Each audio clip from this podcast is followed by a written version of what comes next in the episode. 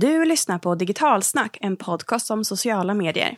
I det här avsnittet berättar vi hur du skapar en Instagram-strategi för 2022.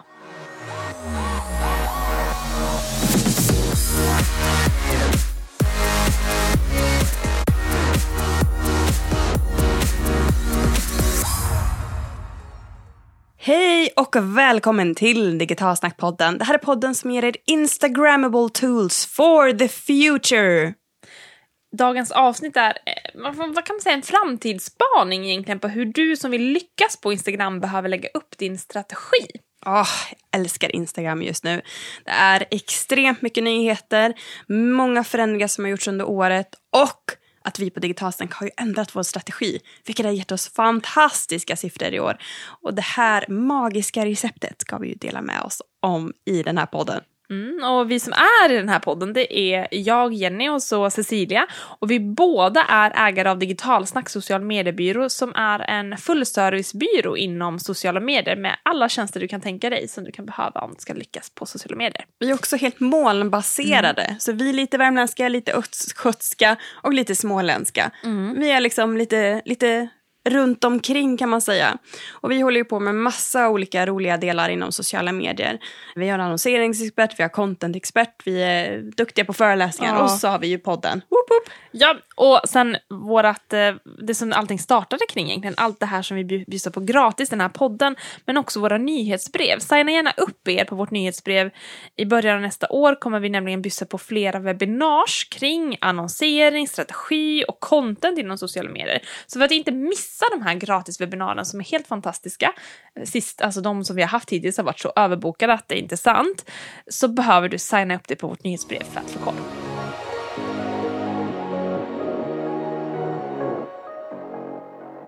Instagram, vilken fantastisk kanal. När du väl knäckt koden.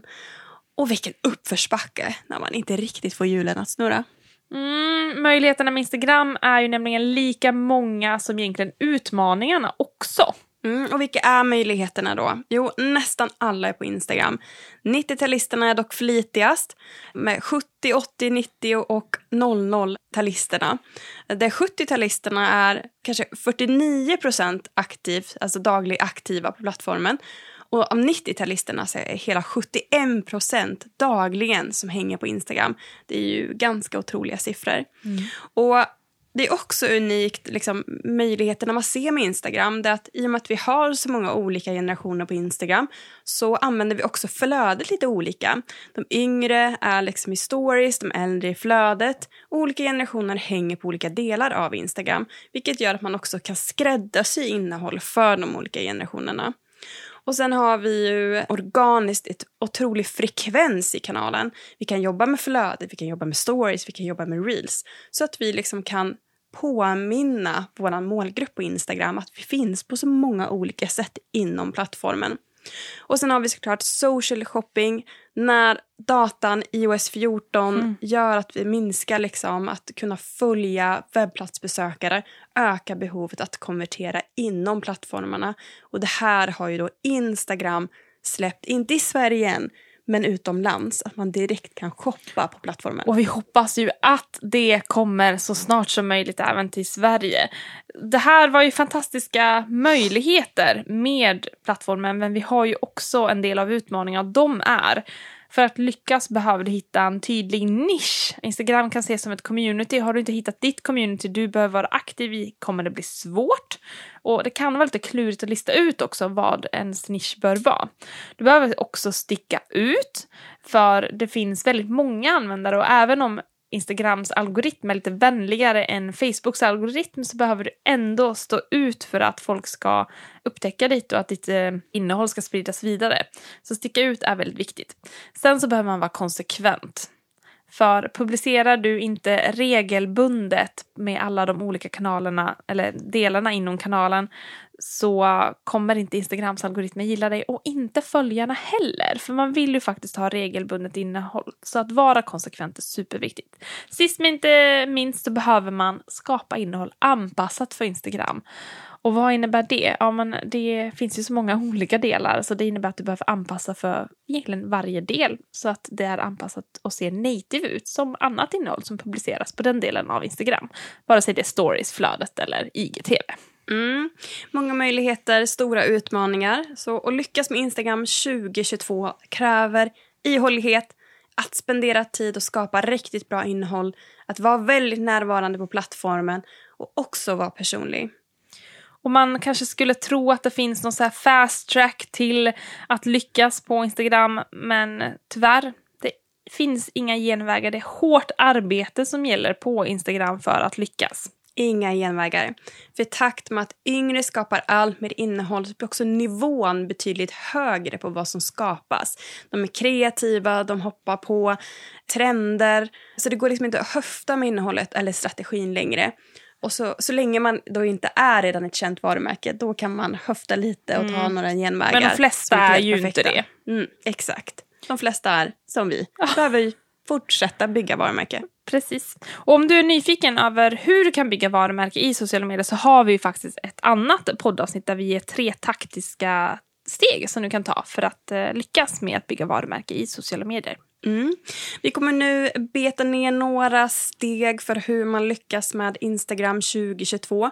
Och vi börjar lite med profilen, för i det här poddavsnittet som du precis pratade om, då pratar vi mycket om visuell identitet och hur viktigt det är på sociala medier. Och det är också en viktig del i att bygga en strategi för Instagram om man nu inte redan börjat jobba med det här. Men det är inte bara den visuella looken i grid och highlight som gör att ditt konto lyckas, såklart man behöver ju också tänka på andra saker. Hur sökbart ditt konto egentligen är på Instagram. Det är någonting som hände under de senaste åren är att vi söker allt mer och att det här spelar också viktig roll för att bli upphittad. Ofta har man i sitt företagsnamn både i användarnamnet, det vill säga att och det namnet man har, snabel och det är också det synliga, själva namnet man har på kontot. Det är ju ofta ganska likt samma, själva företagsnamnet i sig. Men det här namnet kan ju faktiskt vara någonting annat. Om vi skulle ta Coop Sverige som exempel och vi säger att de vill eh, få sig att framstå som Sveriges mest hållbara varumärke.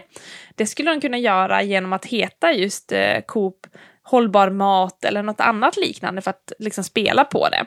Då blir man eh, dels sökbar för själva namnet men också hos den målgruppen som kanske söker om saker som hållbarhet eller mat. Så mm. hittar man dem där också. Vi har ju ett ganska tacksamt namn som berättar lite vad vi gör, men alla kanske inte har det. Och för en ny person som kommer in på ett konto så blir allt tydligare om namnet säger vad man är expert på och att man också berättar i bion vad det är man gör och vad man är bra på. Att inte vara tydlig i sin profil gör att man inte omvandlar sina profilbesökare till faktiska följare. För att man förstår inte riktigt vad kontot eller den här personen bakom kontot, företaget, gör för någonting.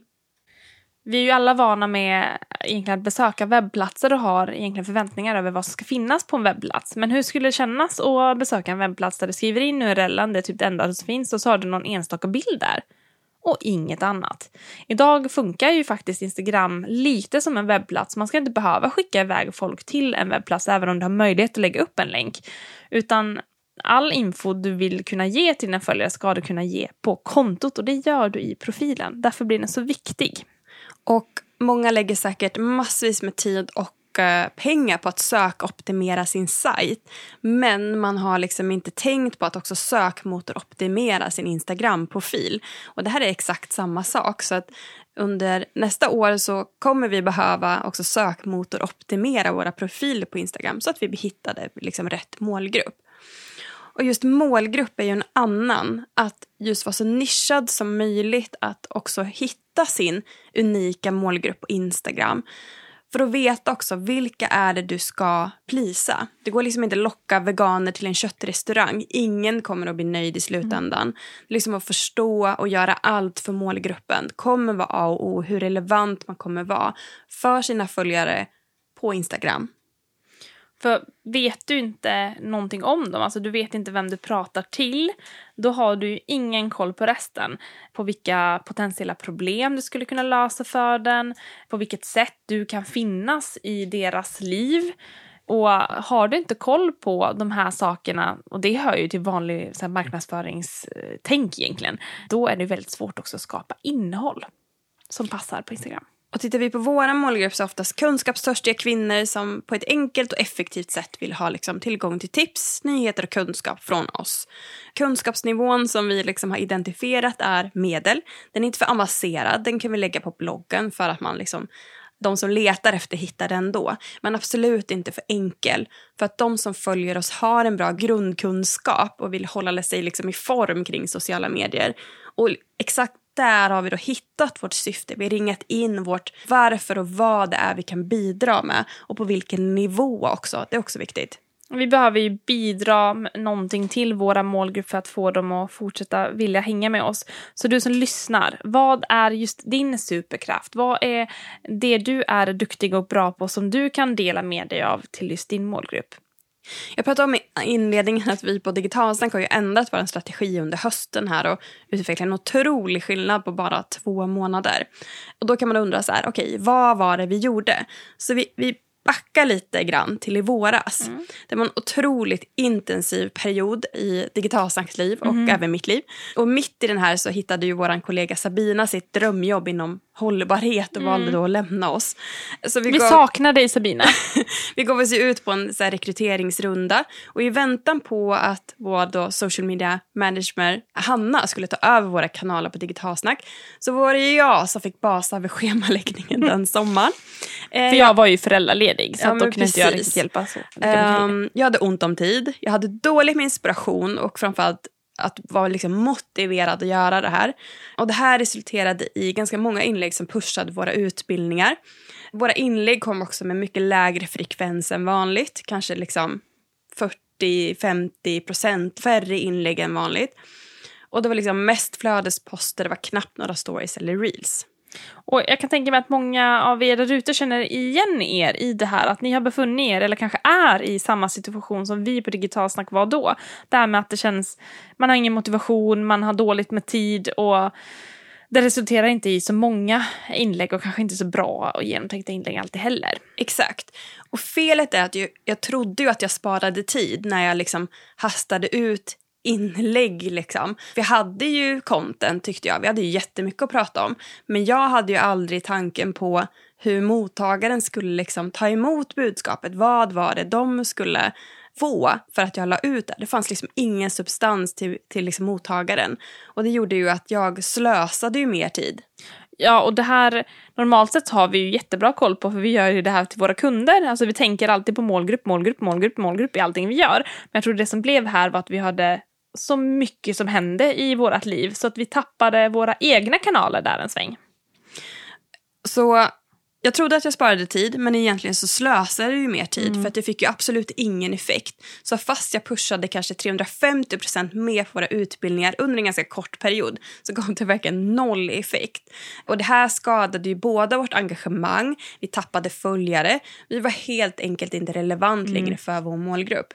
Och det här är så vanligt. Alltså, vi har ju många kunder som har just det här eh, problemet. Och jag kan tänka mig att många av er som lyssnar känner igen er det här.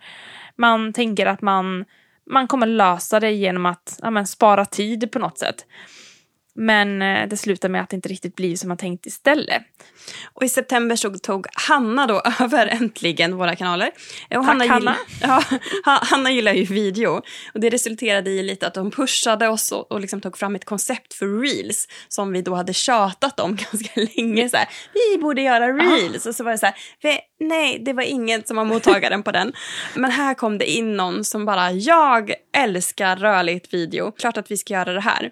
Och jag tycker det är, jag gillar att göra reels själv också, men det känns skönt när det är någon annan som kan tänka ut koncept och bara säga Jenny, kan du göra det? Så det är så skönt på måndag när typ Hanna säger Jenny, jag tänkte att du skulle kunna göra den här.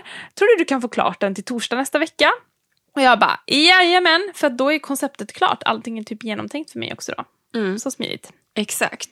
Och vi har börjat pusha mycket mer med liksom karusellposter vilket vi har sett funkat väldigt bra. Men vi har utvecklat dem ännu mer, både visuellt men också blanda exempelvis bild med video. Sen har vi utvecklat våra stories-koncept. Eh, Dels så publicerar vi fler stories, vilket är ju liksom bra i sig, men vi har också faktiskt fått till en bättre strategi. En grej som vi gör, bland annat istället för bara dela inläggen vi publicerar i flödet, alltså ni har sett de här, new post, gå och klicka på det här, så har vi byggt en liten strategi kring hur vi gör det, så man gör det på ett snyggare sätt. För det är ju egentligen bra content, man behöver bara veta hur man lyfter det. Exakt. Och skapar vi mycket mer liksom, tips både på reels, i flödet, använda stories för att pusha och även liksom, rösta och få liksom, interaktion.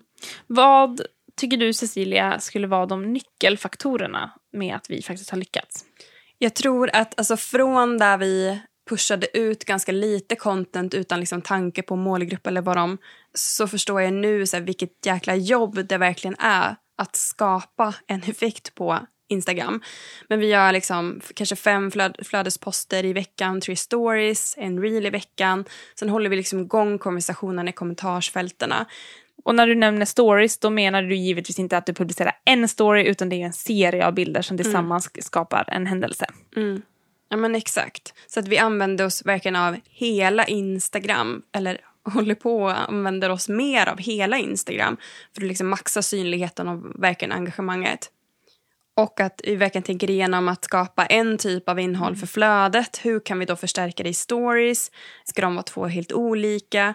Och liksom ett annat tema för reels. Och det gör att vi, vi, får, vi får en re relevans i alla delarna. Mm. Reels är någonting som man verkligen har pratat eh, på sistone med i och med att TikTok blev så stort och sen kom Instagram med, med reels i sig. Och just nu känns det ju som, eller man hör i alla fall, att reels är det man behöver jobba med för att faktiskt få synlighet. Stämmer det? Kan man, är det en myt som man kan knäppa till eller är det sanning? Både och. Alltså, tittar vi på flödesposter så når man kanske, om man gör en riktigt bra liksom, flödespost, då kanske man når 3% nya personer för att den får en liten, liten spridningseffekt eller att den plockas upp i upptäckarflödet så att fler personer ser den. Medan tittar vi på reels så kan siffran vara så mycket som 80% helt nya personer som inte följer kontot idag som har sett din reel. Så det är klart att reels når ju nya målgrupper mer organiskt men det kompenserar ju inte för om dina reels är superdåliga eller inte levererar någon nytta eller värde tillbaks till ditt varumärke.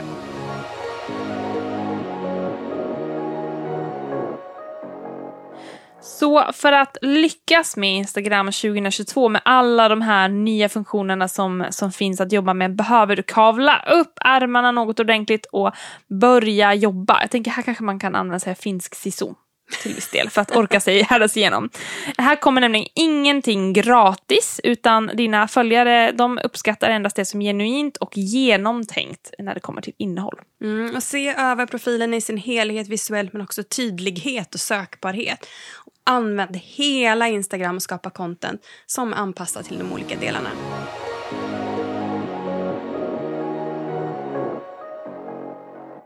Stort tack till dig som lyssnat på det här avsnittet av Digital Snack social mediepodd. Och fortsätt dina tankar och diskussionerna i vårt kommentarsfält. Vi finns på Instagram. Tack och hej!